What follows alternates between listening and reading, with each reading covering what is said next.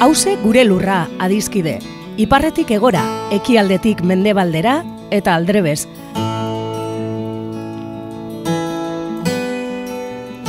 Lurra bakarra dugu edo gaituen lur bakarra da hause. Eta zaintzak dan hori dagokigunez, hemen horretaz egingo dugu berba. Lurraren zaintza kontu ekonomiko, ekologiko eta politikoa da, baita kulturala, kolektiboa eta publikoa.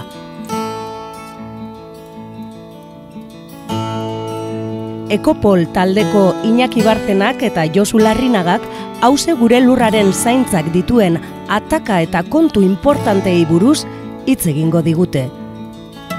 Lurrosoaren erasoak ezin garaitu zezakeen hiri bat ikusi nuen ametxetan. Bilbo hiri irratiko entzuleo, kagurtardi, berriro gaude hause gure lurra irratsaioan, ekologismoaz, e, naturaz e, eta abarrez e, hitz egitera, e, gaur ere berriz ere Iñaki Barzena, EHUko zientzia politikoko irakaslea eta mila saltza ekologistatan e, ibilitakoa. Zer dugu gaur Iñaki? Ba, gaur Europa berde eta digitala.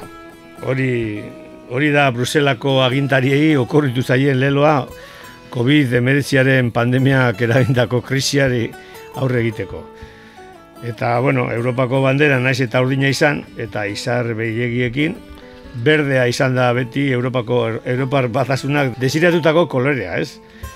ekologismo eta naturaren kolorea da batzuentzat, baina garbiketa edo greenwashing beste batzuentzat, ez?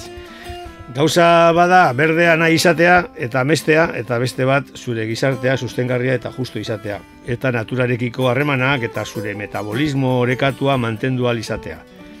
Horretan Europa, oraindik, ba, ezerako lan eh, asko du egiteke, Zeren, bueno, erdiarotik ona, ba, bosteun urtetan mundua dominatuta gero, ba, orain, ba, Amerikako estatu batuek, duela laurogei urte, eta Txina, ba, duela pare bat amarka da, ba, aurre hartu diote Europari, ba, lasterketa ekonomiko, industrial eta teknologikoan ere, eta norgeiagoka horretan, ba, kopuruak, Europari kopuruak e, ez aizki ondo ateratzen, horregaitik, e, gitasmo berde eta digital berrietan, zartu nahi du bere burua, baina ikus, ikus dezagun, ez? E, horre Next Generation, NGEU, Next Generation Europe, ez? Hori da egitasmo Europar horretan, ba nola baite, nazio batuek e, Brunland txostenaren e, agertutako garapen sustengarriaren definizio ofizial horren hildoa, jarraituz, hildo horretatik, e, bebai Europar batasunak datozen belaunaldiei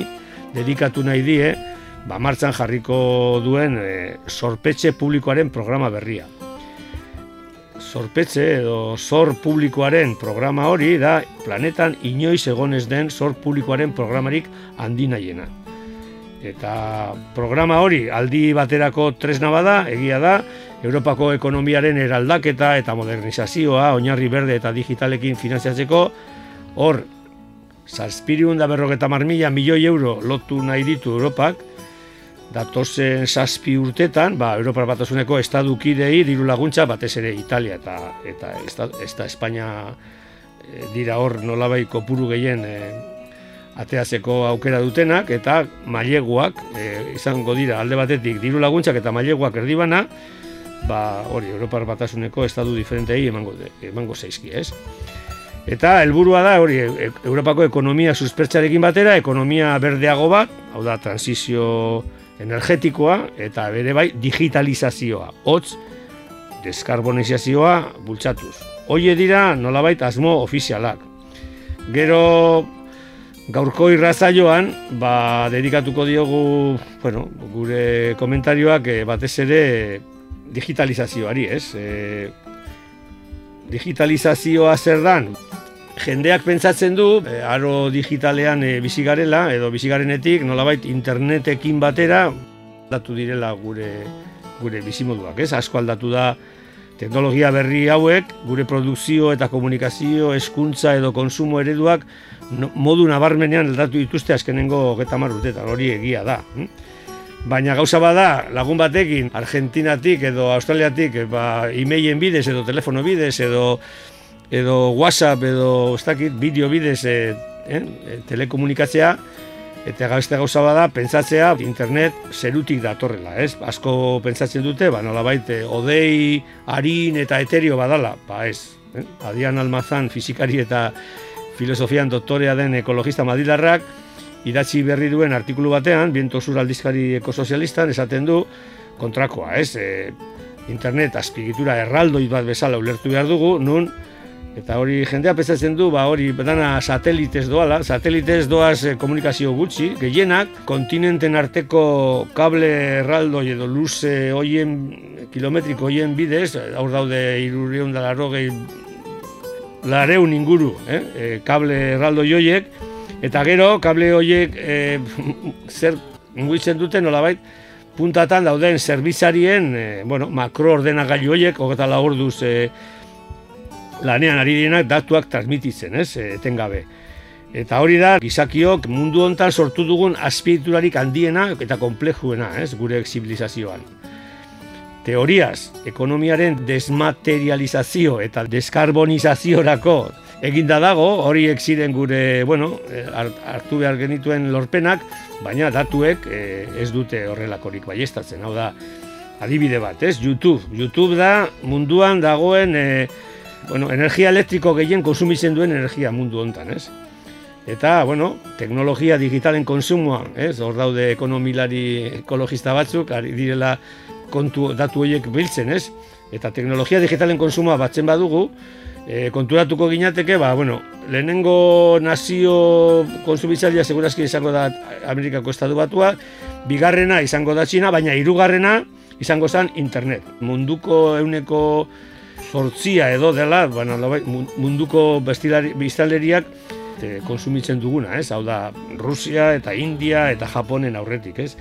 Orduan, bai, digitalizazioa hor dago, Mm, gero eta gehiago erabiltzen dugu e, bitarteko tekniko digitalak gure bizitzarako, baina energia eta materialen erabileran, e, bueno, ba, internetek ez du ekarri inungo desmaterializazio edo deskarbonizaziorik. Aldiz, teknologia digital, energia eta lehengai metaliko batzuen konsumoren atalean, gehien handitu dena, azken amarkadan, e, hori, teknologia hau dira, eta ez du ematen, e, igoera hau geldituko denik, digitalizazio prozesuak zabaltzen baldin badira eta hori da nolabait Europar Batasuneko asmoa, ez? Hori da gurutze edo arazo nagusi baten arrean gaude. Dispositibo digitalek materia berezi batzuk behar dute. Emagun eh, kobre, litio, kobalto, indio, lur arraroak, hm, deitzen direnak eta horrek dinamika extraktibistekin batera barazo sozial, politiko eta ekologiko larriak eragiten ari dira. Eta, bueno, azken kritika, et, baina ez gutxiagokoa da, Naomi Kleinek esaten zuenez, ba, teknologia digitalen kontrol soziala areagotzen dutela eta gainera asmo errepresiboekin. Hau da, sok digitalaren doktrinaren bitartez, ba, bueno, ba, Google, edo Apple, edo Facebook, edo Amazon, edo Microsoft, hau da, gafan deitzen diren horiek, datu guzti horiekin, balde ba, batetik ez dute ingurumena respetatzen, baina aparte, demokraziaren aurkaria dira eta gure bizitza, bizitza zelatatzen dute, ba, kapitalismoak behar dituen pilatze eta akumulazio prozesuak e, egikaritzeko, ez? Orduan, digitalizazioa baino gehiago, behar duguna da norabide aldaketa bat, ziaboga bat, ez? Eta telekomunikazio enpresek eta digitalizazio prozesuek Next Generation plan honetan ikusten dugunez, gehiagizko finanziak eta pilatzea saiaztu beharra dago gaur egun zalantza dia daude hiperdigitalizazio prozesu azkar baten aldeko apostua egiten duela Europak, egungo krisi globalak eskatzen duen resilientzia soziala eta ekologikoa erekitzen lagundu lagunduko duena teoriaz, ez? Baina hori adibidez, e, aztertzen bali badugu duela gutxi, ba, ekologista generazion, omalek eta ODG ateatako gida, gida didaktiko horretan, arrazoi honak daudela, eh, esaten dute, ba, nolabait, nola pentsamendu hortatik e, urrendoko gaituztela, ez? Hau da, e, eraldaketa digitalaren oinarria da, adibidez gaur egun, 5G e, prozesu berri digital hori, hori edatzea da, eta horrekin batera energia konsumoa, Mehatzarizako eta aktivismoa, ondakin teknologikoen ekoizpena, sare horrek bildutako datuen tratamenduaren bidez, herritarra kontrolatzeko aukeran igoera esponentziala ikusten da, ez? Eta e, gure gizartean oroar, ba, ekonomia hiperdigitalizatzeak eta robotizatzeak milioika enplegu zuntzitzea, hori da bestea, hau da, gero talan postu gitxiago izango ditugu, ez, datozen amarkadatan. Beraz, beraz, e, bueno, digitalizazio gutxiago eta bizitza duin gehiago, ez, edo, nolabait, e, bueno, zuta biok jozu sinatutako Euskal Herria poskabit emerezi manifesto horretan esaten, esaten dana, ez? Erakunde publikoek, muga ekologikoa kontutan hartzen dituzten, ekoizpen, inbertsio eta konsumo politika sustatzea. Hau da, etorkizuneko belaunaldientzat zor bidegabe eta onartezina e, saiesteko. Orduan Iñaki argita garbi izan da vegetala, vegetala parkatu.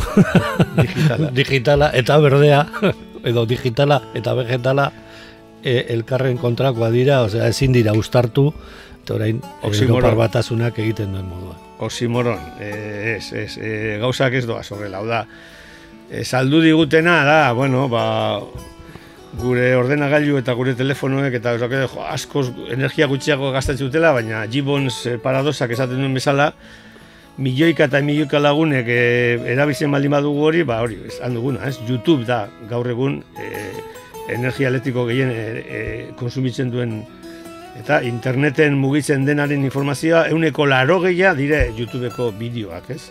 Orduan, bueno, hori ez da inokuo, hori ez da etereo, hori da materiala, horrek energia eta eta materialak behar ditu ezinbestean, eta hori ez da berdea. Eh? Naturak esaten duen arabera, holako Olako prozesu komunikatibo edo, edo komerzialetan hainbeste energia eta hainbeste materiala sartzeak suposatzen ditu aldaketa, aldaketa eh, problematikoak.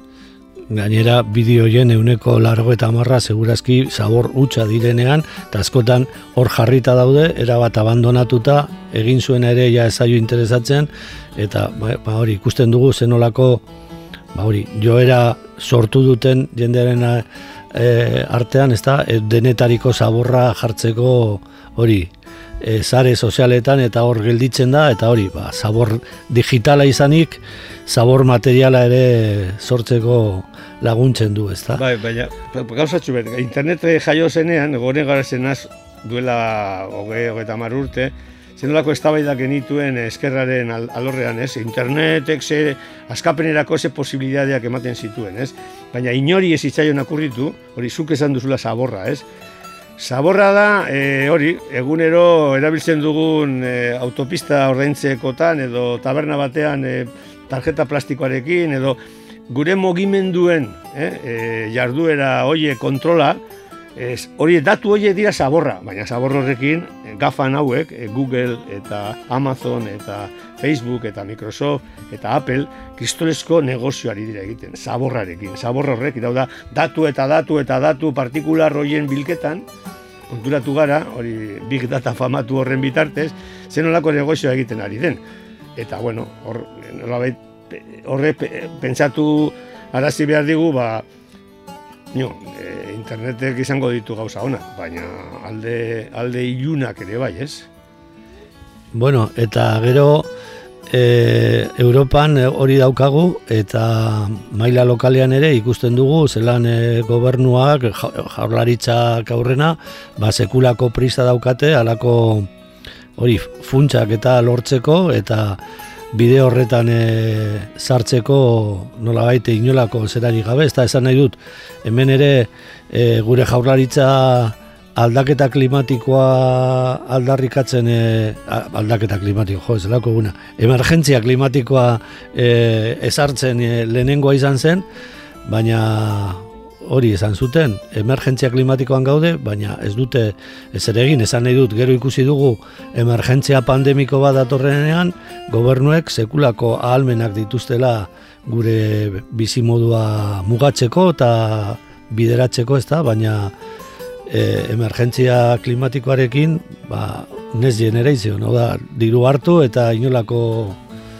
Bai, baina bi kontu horretaz. Hau da, e, diru hau diru publikoa da eta esan dudan bezala erdia diru laguntza moduan urertu daiteke, baina beste erdia dire e, zera, e, kredituak ordaindu behar direnak, eta ordaintzeko estaduek ipintzen dute e, berma edo garantia, hau da, Bruselatik datoz e, kasu honetan Madrilera, eta Madrilek bananduko ditu, bere interesen arabera, e, autonomien bitartez, baina hartutako diru horiek bueltatu behar dira, eta hori da nolabait e, ekologismotik egiten e, dan kritika, hau da, momentu hontan, e, Europar batasunak e, COVID dela eta suspenditu ditu bere aurrezkitze politikak eta bere politika neoliberalen nolabait berte, bai batean daude, baina kreditu hauek aurrera dijoazten neurrian etorriko da, orain ikusten dugun bezala, ez? E, nola osasun publikorako, hainbat sektore eskuntza edo beste sektore sozialitzako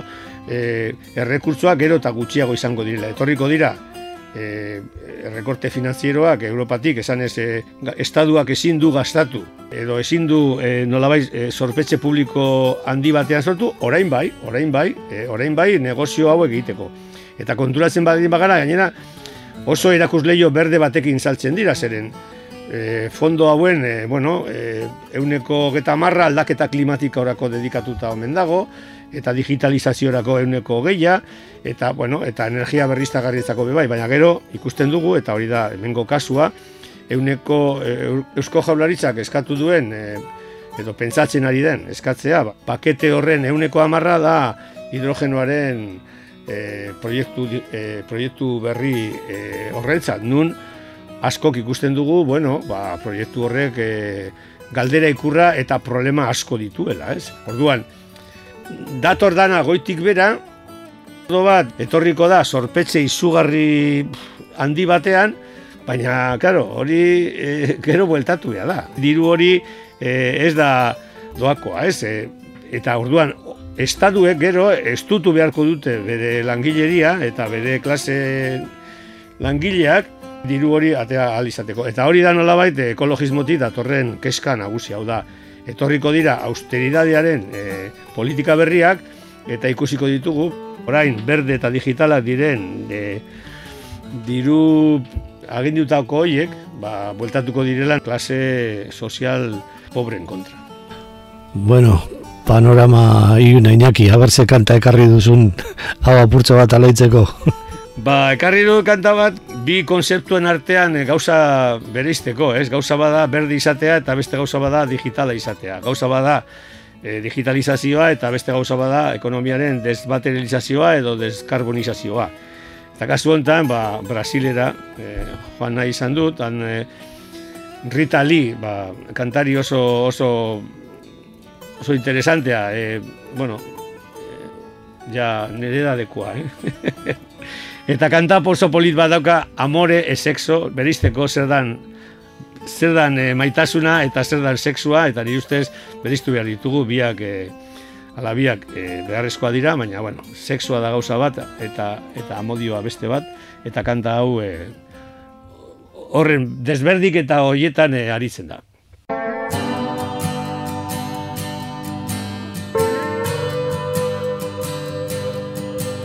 Amor sexo é esporte. Sexo é escolha, amor é sorte. Amor é pensamento, teorema. Amor é novela, sexo é cinema. Sexo é imaginação, fantasia amor é prosa, sexo é poesia. O amor nos torna patéticos. Sexo é uma selva de epiléticos. Amor é pagão. Amor é latifúndio, sexo é invasão. Amor é divino, sexo é animal. Amor é bossa nova, sexo é carnaval. Oh, oh, oh. Amor é para sempre sexo também. Sexo é do bom, amor é do bem. Amor sem sexo é amizade. Sexo sem amor é vontade. Amor é um sexo é dois.